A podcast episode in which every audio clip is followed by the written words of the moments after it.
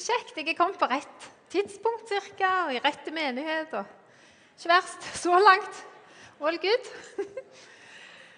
ja. Oi, jo. Du, det har seg sånn at jeg heter Anne Inghild. Og for de som ikke har eh, gått i IMI i eh, som veldig mange år, så har jeg hatt permisjon i tre måneder. For de som ikke visste det.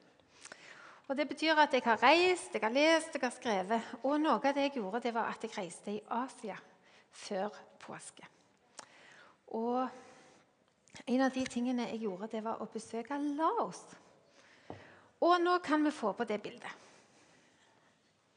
For jeg har eh, med meg et bilde av et par sko. Og det, par, med sko er ikke et par sandaler det er et par sko som mangler tåen på begge skoene. Som er utslitt og ikke lenger har tå. Og Historien bak det skoparet er faktisk at etter vi hadde vært på en skole, gått på en sti der vi ikke måtte gå eh, mer lenger vekk enn 15 cm fra, for de hadde ikke fått rydda minene derifra. Dette var en sti som ungene brukte hver dag. Eh, så hadde vi vært på en skole, fortalt dem om viktigheten av utdanning. Vært med og gjort det mulig for dem å få den utdanningen ved å bl.a. støtte dem både økonomisk og med f.eks. nye sko. Og etter vi hadde gitt sko, eh, klær, pennalihus, tannkrem, forskjellige ting til disse ungene da, som er en del av resultatet for hver gang vi tar opp kollekt her til Laos, så sto der igjen, og vi kom ut med, på teamet kom ut fra dette skolebygget. Alle barna og alle foreldrene, for foreldrene må være med, sånn at dette blir noe som bygger landet på sikt. Sånn at foreldrene skjønner det er viktig å sende ungene på skole osv. Så, videre. så kommer vi ut av dette skolebygget. Jeg vet ikke hvor mange grader det var, men det var iallfall sånn at det rant. Skal ta til på denne stien, og så står da dette skoparet igjen på trappa i la oss i dette bygget, på dette bygget, Der står det et par sko som hun jenta for Det var jeg som fikk gi hun jenta de nye par skoene, men hun tok det gamle par skoet i hånda når hun gikk. Så når jeg kom ut, så sto det paret med sko igjen som et for meg vanvittig symbol på at de satte hun fra seg, og så gikk hun videre i livet sitt med nye sko. For meg er det en sterk historie om et helt sånn reelt liv som faktisk blir litt bedre fordi at det er noen som bryr seg, og som bygger landet stein for stein og bygger de som bor i landet. Ikke bare at vi kommer og hjelper, men bygger de sånn at de òg kan hjelpe seg sjøl. Det er noe av det jeg har fått oppleve i permisjonstida mi. Et lite glimt. Takk skal du ha for at du fikste det sånn at det viste. Nå kan du ta det vekk. Men det er faktisk òg vanvittig godt å være hjemme. Det er så godt å komme tilbake. Jeg opplever at dette er min familie. Jeg har gått her siden jeg var ca. 9-10 år. Jeg vet, vet, ikke hvor gammel jeg var, men var jeg ikke 9-10 år eller noe sånt når jeg begynte i Yngres? Og jeg er 48, så det er ganske mange år. Så dere oppleves som min familie. Og når jeg er her i lovsangen og liksom tenker wow, jeg er så takknemlig for at dere bruker tid og krefter og gavene deres på å lede oss inn i Guds nærhet. Jeg er så takknemlig for at så mange av dere bidrar som på så mange måter til å bringe Guds godhet ut. Og ikke blir fornøyde før dere ser resultater av at Guds rike er kommet nær. Jeg tenkte på deg i stad, Nore, når jeg så på deg, så tenkte jeg du administrerer masse gjenger fra 4. klasse og oppover. Har samlivskurs. Jeg er stadig på jakt etter nye måter. så du kan eh, gi Guds rike videre til folk. Det er så mange av dere som jeg kjenner For en velsignelse å komme hjem igjen til dere og få være sammen med dere i det videre. Jeg skal snakke om eh, vann. Jeg skal snakke om glede. Og jeg skal snakke om barnet. Og det skal handle ganske mye om å ta imot. Så nå må dere bare gjøre dere klare til å ta imot, for Gud har mye godt for oss. For det første litt om dåpen og vannet. Og faktisk helt først i denne Bibelen, i kapittel 2 i første Mosebok Det er faktisk det andre kapittelet i Bibelen. Så står det om at i Edens hage, som jo Gud satte menneskene inn i, en fantastisk hage Der står det om en elv som gikk ut fra den hagen og vanna hele Edens hage. Det står mye om hvordan han delte seg i fire deler og strakk seg ut til det hele.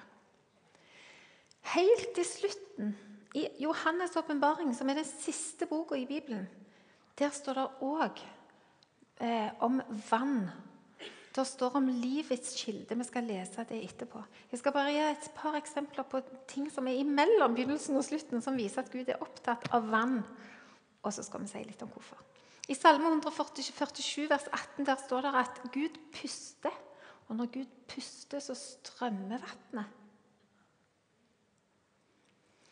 I Jesaja 32, som er et fantastisk kapittel Hvis du tenker oi, nå trenger jeg et tips på hva jeg skal lese i kveld, når jeg går hjem, les Jesaja 32. Det er et fantastisk kapittel om eh, hvordan de strever med kaver kave og ikke får det til. Og så står det at helt til Guds ånd ble tømt over oss.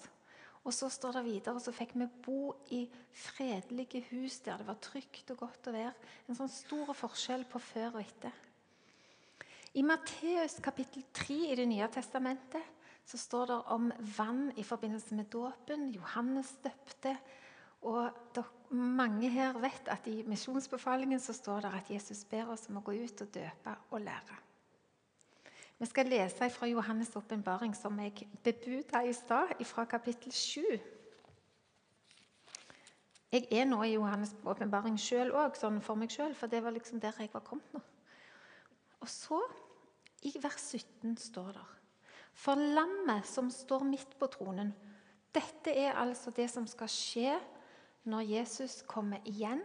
For det er ikke slutt med dette livet her om livet vårt. Det er godt eller vondt, så er det ikke slutt med dette. Det er en himmel i vente, og det er et håp. Og det er det som ofte òg gjør meg ork til å fortsette. For det der står her, hør på dette. For lammet som står midt på tronen, han som er oppstått, som vi har sunget om i stad, han skal være gjeter for dem og vise dem vei til kilder med livets vann. Og Gud skal tørke bort hver tåre fra deres øyne. Intet mindre.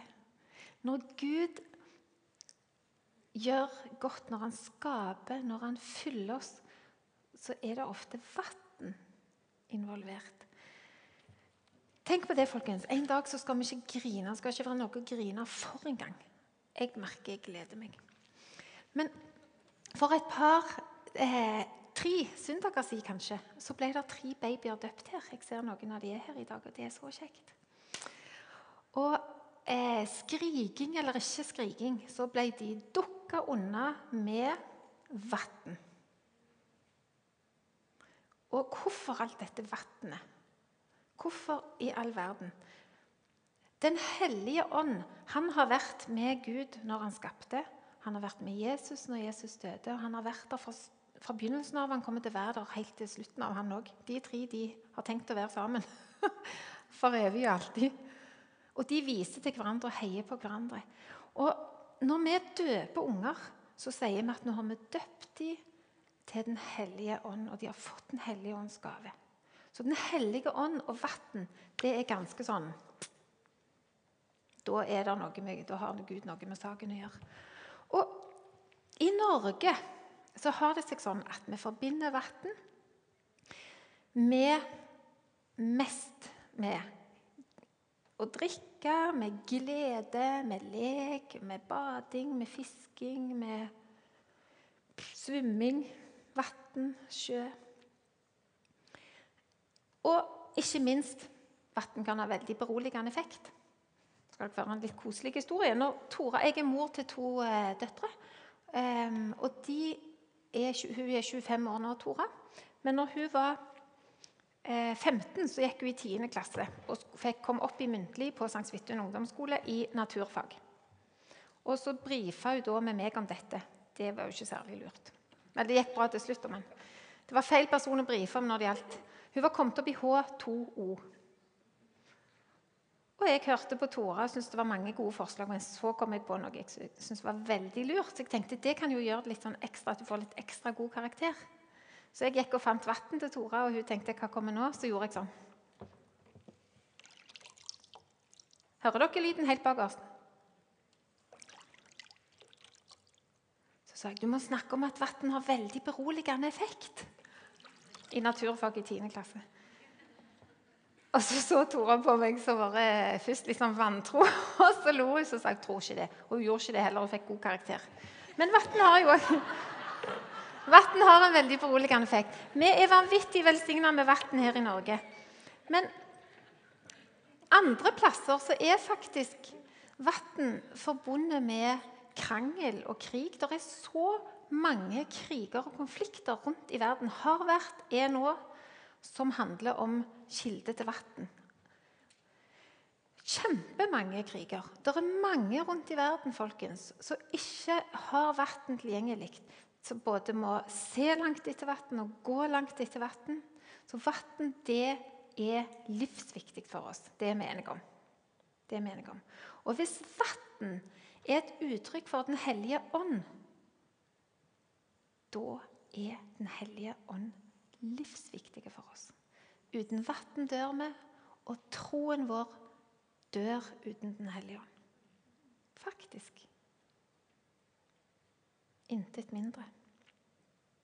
Må vi forstå vann for å ha glede av det? Må jeg forstå liksom, hva ligger i H2O? Skal vi se. Tenk hvis jeg husker den, feilen, den formelen litt feil. Dette må jeg kunne forklare for å drikke det, leke i det, bade i det. Nei, vi må jo ikke det. Må jeg forstå og begripe det som har med Den hellige ånd å gjøre? Nei! De gode nyhetene er nei. Vi må bare ta imot den. Og la oss gripe av den, ikke begripe den. Det er veldig, veldig befriende, syns jeg. Der er eh, Jeg har bare lyst til å gi dere et lite eksempel på hva det vil si. For det kan jo høres fint ut. Ja, vi skal ikke begripe den, vi skal la oss gripe den. Ja, hva vil det si? I dag skal jeg gi to eksempler fra mitt liv. Jeg lista meg eh, ut av eh, soverommet i dag for ikke å vekke de andre som lå og sov i huset mitt tidlig. Fordi jeg bare kjente jeg trengte å gå inn på kjøkkenet mitt, sette meg ned, gjøre sånn som rutinene mine er, sette på vannkokeren, eh, tenne et stearinlys, sette meg på den faste plassen min, ta Bibelen min på fanget og så eh, drikke en kopp te. Ikke sant, Sigve? Dette stemmer. Og så satt jeg der helt alene før de andre våkna. Og så bare var jeg masse alene med Gud, for det er litt viktig for meg av og til å få være litt alene med ham. Eh, og så leste jeg gjennom talene en gang og to, og så skred jeg til verket. Så etter, etter G11 så har jeg vært hjemme og ikke slappet av et sekund fordi vi har hatt femårsdag hjemme med barnebarnet. Og masse unger og masse foreldre og full pakke. Og så boff! Tilbake, en kopp te da igjen. og tilbake her så sto jeg på det bønnemøtet halv seks. For dere som ikke har noe annet dere gjør halv seks om søndagene, jeg anbefaler dere å være der. Det er så godt å bare være der. Så sto jeg der, så kjente jeg plutselig at Oi, oi, oi, jeg skal tale igjen. ja, Oi, oi, jeg er egentlig forberedt. Mm, kjære Jesus. Og så sa jeg nå trenger jeg bare at du møter meg, Gud. Og så får jeg et bilde av at jeg er Alexander Kristoff. Og hva får Alexander Kristoff når han sykler? Han får sånne som springer langs veien og gir han eh, gode ting. Og ikke bare det, men han får òg når han kommer i mål, folk som tar imot han og legger tepp, nei, sånn, eh, ikke teppe, men håndkle så tørker svetten hans. Det står jeg og tenker på mens jeg står inne på denne bønne, det, det bønnemøtet. Og så opplever jeg at Jesus heier på meg og sier, 'Kom igjen, om du er opplagt eller ei. Det er jeg som skal gjøre jobben i kveld.' Det er to eksempler for meg på å drikke av det vannet som han har gitt meg. Vær i lovsangen, vær i Guds ord. Er dere med? Var det bra så langt? Nei takk. Nå er det del to om gleden. Og videre om kraften. I 1. Korinterbrev 2, så det er i Nye testamentet, der skriver Paulus til korinterne. da. Det var ikke noe bombe. Eh, vers 4 Vers 4 og 9 sier Paulus. Og dette sier ikke bare Paulus til korinterne, men for det det står i Bibelen, så sier Gud og Den hellige ånd det til oss nå, så vi kan ta imot det nå. Jeg forkynte ikke mitt budskap med overtalende visdomsord, men med ånd og kraft som bevis. Det er så bra. Trenger ikke å være så ekstremt smarte. Og så i vers 9. Det gjør ingenting om vi er smarte, men vi trenger ikke være Det intet øye så, og intet øre hørte, det som ikke kom opp i noe menneskehjerte, det som Gud har gjort ferdig eh, for dem som elsker ham, det har Gud åpenbart for oss ved sin ånd.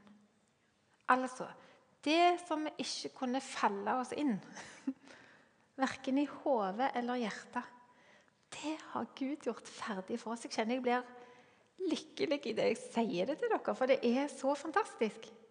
At det er Guds ånd som har åpenbart det. Hver gang vi gjør noe bra og gjør noe godt for hverandre, om så å smiler til en fremmede person på gata, så er det Den hellige ånd som har gjort at vi kommer på det. Det er så fantastisk. I første kor, fortsatt i samme brevet, så sier han i kapittel 4, i vers 20, at Guds rike består ikke i ord, men i kraft. Veldig bra. Og i Galaterne, litt lenger ute i Det nye testamentet, da skriver Paulus til eh, Galaterne i kapittel 5, vers 22, at gleden er en av åndens frukter. Vi har å gjøre med en hellige ånd som er en sterke og fantastiske og faktisk glad ånd. Gleden folkens, er kjennetegn på kraft. Jeg har lyst til å dele et vitnesbyrd fra eget liv på akkurat det. Fordi at eh, Jeg har, som jeg sa, jeg er 48 år, og jeg har helt fram til i fjor tenkt at det at jeg får høre at det ofte er mye sånn liksom tull og fjas og latter og løye eh, der jeg er. Jeg går ofte på ting og tror på ting folk sier. og har vanskelig for, å bli fornærma, sånn, så det er veldig lett å tulle med meg. Så Ofte syns folk det er kjekt å tulle med meg. og mye sånn tøysetull. Så har jeg tenkt å, det var noe litt litt lite, det. da. Jeg skulle heller ha vært sånn kjent for at jeg var enormt intelligent eller enormt vise eller dype eller mm, Ja. Eksepsjonelt vakker. Samme hva, men det, Takk. Men det var fisking. Nei, for Men glede, liksom. Det å ha glede som, at å høre at jeg, ja, folk blir glad når de er sammen med meg Jeg tenkte det, det var var, det var på en måte ikke godt nok. Irene og Martin er to personer jeg er super, super glad i. Og Irene som jeg sa på G11, hun tuller og fjaser mye, hun òg. Men hun er òg kjent for sånne setninger som følger. Pust inn din fred og ut ditt strev. Martin, du er kjent for mange setninger, bl.a. å være med på det som Gud gjør. Og så har jeg tenkt å, jeg skulle ønske jeg var kjent for det istedenfor hva kaniner gjør fort, eller altså andre ting, ting som jeg har sagt opp igjennom, så folk liksom bare husker. Det er sånne ting, det er ikke tull. Jeg kan møte folk fra andre deler av landet jeg, som husker sånne tåpelige ting jeg har sagt og gjort. Helt til i fjor høst så var det som Den hellige ånd pirka meg på skulderen lenge og sa hva er det du egentlig holder på med, Inghild? Gleden er en gave. Altså, Gleden din frykter meg. Det er ikke, ikke kims med den. Bare vær sånn som du er, og jeg bruker deg, og jeg vil bruke deg bare mer. Etter det når jeg liksom til slutt skjønte at å, kanskje det er Gud som sier noe til meg, så har jeg ikke vært opptatt av det lenger. For det første så har jeg alltid syntes det har vært fint at de har vært som de har vært, og andre som de har vært. Men jeg har slutta å være opptatt av at jeg trenger å være på en annen måte. Og det er så befriende. Det er så befriende. Ja! Det er ifølge Bibelen veldig, veldig mye glede i himmelen. Det er så mye glede i himmelen. Hvis vi griner i himmelen, så er det av glede. Det er så mye glede i himmelen, og det er så mye glede på jord når himmelen kommer nær, og når det som har med Gud og Guds rike å gjøre, kommer nær. Det blir så mye glede. Og folkens, det er kraft i gleden. Vi skal aldri kimse med gleden. Så nå er jeg en av de som snakker om at vi skal aldri kimse av gleden. For et par søndager Martin, så snakket du òg om denne tida mellom påske og pinse, og tida fram mot pinsen, sånn at ikke bare vi feirer påsken, og så er vi i et slags vakuum, og så boff, så kommer Den hellige ånd. Men at eh, denne tida her, hvordan bruker vi den, og hva lærer vi, og hva ser vi at Gud vil si oss? Så snakket du om at det å våge å være nær Gud, det gjør at mørket trekker seg vekk. Og når vi er nær Gud og òg får erfare gleden i ham, så altså Mørket har ikke noe å stille opp med. Og Derfor er det faktisk òg viktig at vi lever i dette. Fordi at ellers så får ikke heller andre del i det. Så det er godt for oss, og det er veldig, veldig godt for de vi er rundt. Om vi er her, eller om vi reiser langt vekk. Um, det var en som sa sist uke at det å være eh, mye med Gud og oppleve gleden i Gud, det er som om Gud forfrisker fargene våre. Sånn? Vi har forskjellige farger, alle vi som sitter her. Ikke bare på klærne, men på de personlighetene vi er. Og det å være med Gud det gjør at vi blir på en måte tydeligere og viser bedre igjen for hverandre og for andre. Jeg synes Det var en god måte å si det på. Er vi i sola, så blir vi brune, de aller fleste av oss. Litt rynkete kanskje, men pytt-pytt. Men det viser igjen at vi har vært i sola, og det viser igjen at vi har vært med Gud.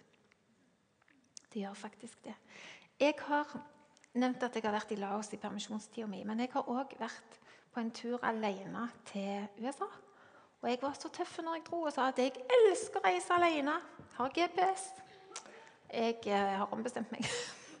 elsker ikke å reise alene i USA, inn og ut av San Francisco i bil nesten bli påkjørt. Mange, iallfall to ganger hadde jeg sånn nesten uhell. Det som skjer nemlig er at GPS-en viser hvor du skal, men så, du, så, kjører du bare den. Boff, så er du på en motorvei. Så det var en gang en buss kom ganske når jeg hadde landa fra Norge.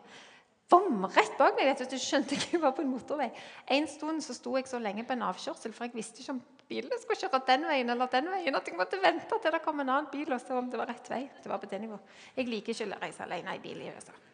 Men når du kommer ut på motorveien, er det greit om det er seks filer. bare du kommer inn og ut av de der storbyene. Clouet er Hvorfor sa jeg dette her egentlig nå? Jo, mye av det jeg gjorde når jeg reiste til USA alene, som var veldig bra, det var at jeg brukte mye tid i et bønnehus i ei kirke i Reading.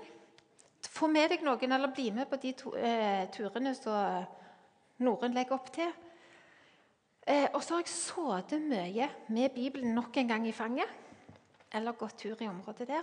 Kikket ut på noen fjell og bare sittet og sittet og sittet. Og bare vært og vært og vært med Gud.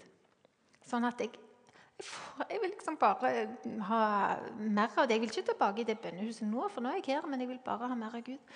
Men clouet er at Gud har svart meg på flere av de tingene som jeg sa Gud, dette må du ta deg av. Nå er jeg her med deg. Og så var det en annen ting jeg ba. Så ba jeg om gjennombrudd på det. så ba jeg om gjennombrudd på det. Han har svart meg på ting her på IMI. Han har svart meg på ting i familien min, han har svart meg på ting i nabolaget mitt. Ved at jeg gjorde Dere skjønner hva jeg mener når jeg gjør sånn? Ingenting. For det er jo ikke ingenting å søke Gud. Dere skjønner? Men jeg tok ikke noen telefoner, og jeg skrev ikke noen mailer. Jeg satt der og fikk liksom ikke nok bare av å være med han. Så det lærer meg noe om eh, hva som faktisk, hva det er kraft i, og hva som virker. Eh, den hellige ånd folkens, og fellesskapet sånn som vi har her, det er gitt for at vi ikke skal måtte være alene.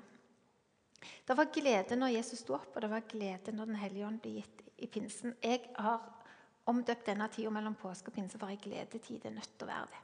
Det er nødt til å være det. Jeg kan ikke forstå noe annet. Så er vi jo ikke alltid glade. Jeg var f.eks. i USA ikke alltid glad. For det første så var jeg litt vel mye alene. Eh, og for det andre så skjedde det ting i Norge i storfamilien som gjorde at det var ganske tøft og ganske ensomt. Jeg følte meg så dønn alene. For det ofte når dere sov, så var jeg våken, og motsatt. For det var liksom ingen å snakke med. Og jeg følte meg faktisk eh, litt ulykkelig innimellom. Jeg gjorde det.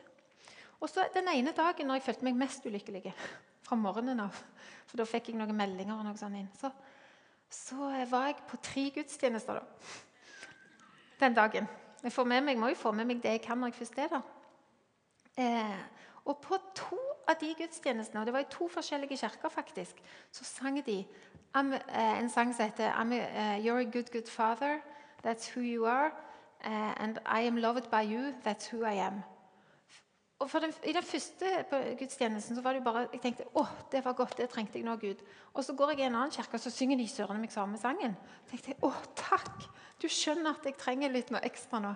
Så Det betyr ikke at vi alltid skal gå og være så veldig glade, enten det eller ei. Det betyr bare at vi skal få ta imot av Han.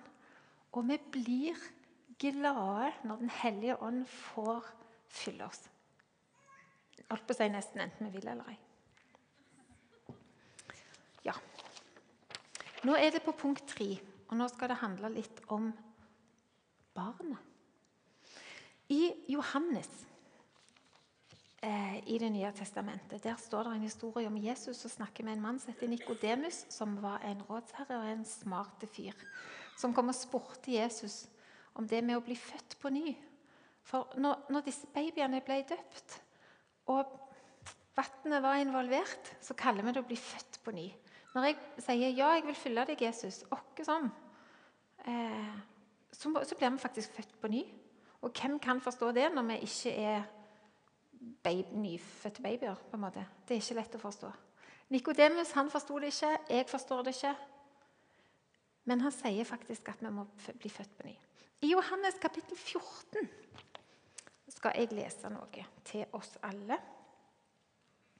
Der står det nemlig i vers 18 at Jesus sier Hør på dette. Jeg lar dere ikke bli igjen som foreldreløse barn. Jeg kommer til dere. Ikke bare jeg skal sende en eller annen eh, luftig størrelse, men han kommer til oss. Og når det stemmer at både Gud og Jesus og Den hellige ånd er ganske uatskillelige, så sender han seg sjøl. Gud sender seg sjøl, han sender Jesus, han sender Den hellige ånd. Vi trenger ikke være alene. Og det er en person som kommer sjøl. I vers 27 så sier han, 'Fred etterlater jeg dere. Min fred gir jeg dere. Ikke den fred som verden gir.' La ikke hjertet bli grepet av angst og motløshet. Og i Matteus, som òg er et eh, sted i Det nye testamentet, der skriver, sier Jesus til eh, disiplene at hvis ikke dere blir som barn så kommer dere ikke inn i Guds rike. Jf. det der med født på ny, bli som barn, vann. Det er mye som ikke er helt lett å forstå. Jeg har jobba i IMI i 20 år. Dreit. Og jeg har jobba nesten hele tida med barn. Og med tro og den slags. Eh, og med ledere og foreldre og den slags. Men òg mye med barn og tro. Og Det har prega mitt forhold til Jesus. Det er helt bombesikkert. Fordi at unger er ikke dumme. Unger stiller mye bedre spørsmål enn dere noen gang kommer til å gjøre. For det første så stiller dere jo ikke spørsmål. Sitter bare i ro. For det tredje, hvis dere gjør det, så er ungene sine bedre likevel.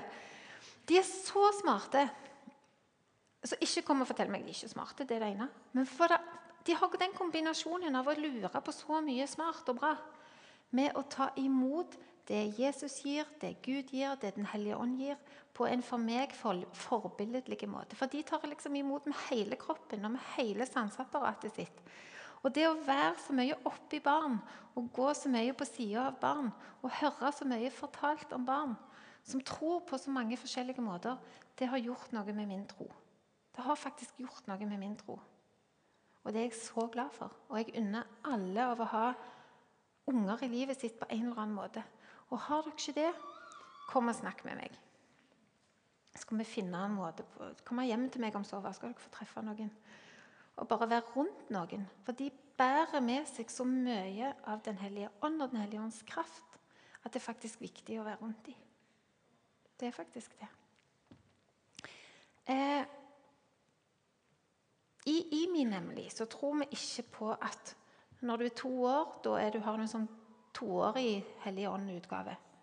Eller når du er 18, da er han blitt liksom 18 år, han Hellige Ånden.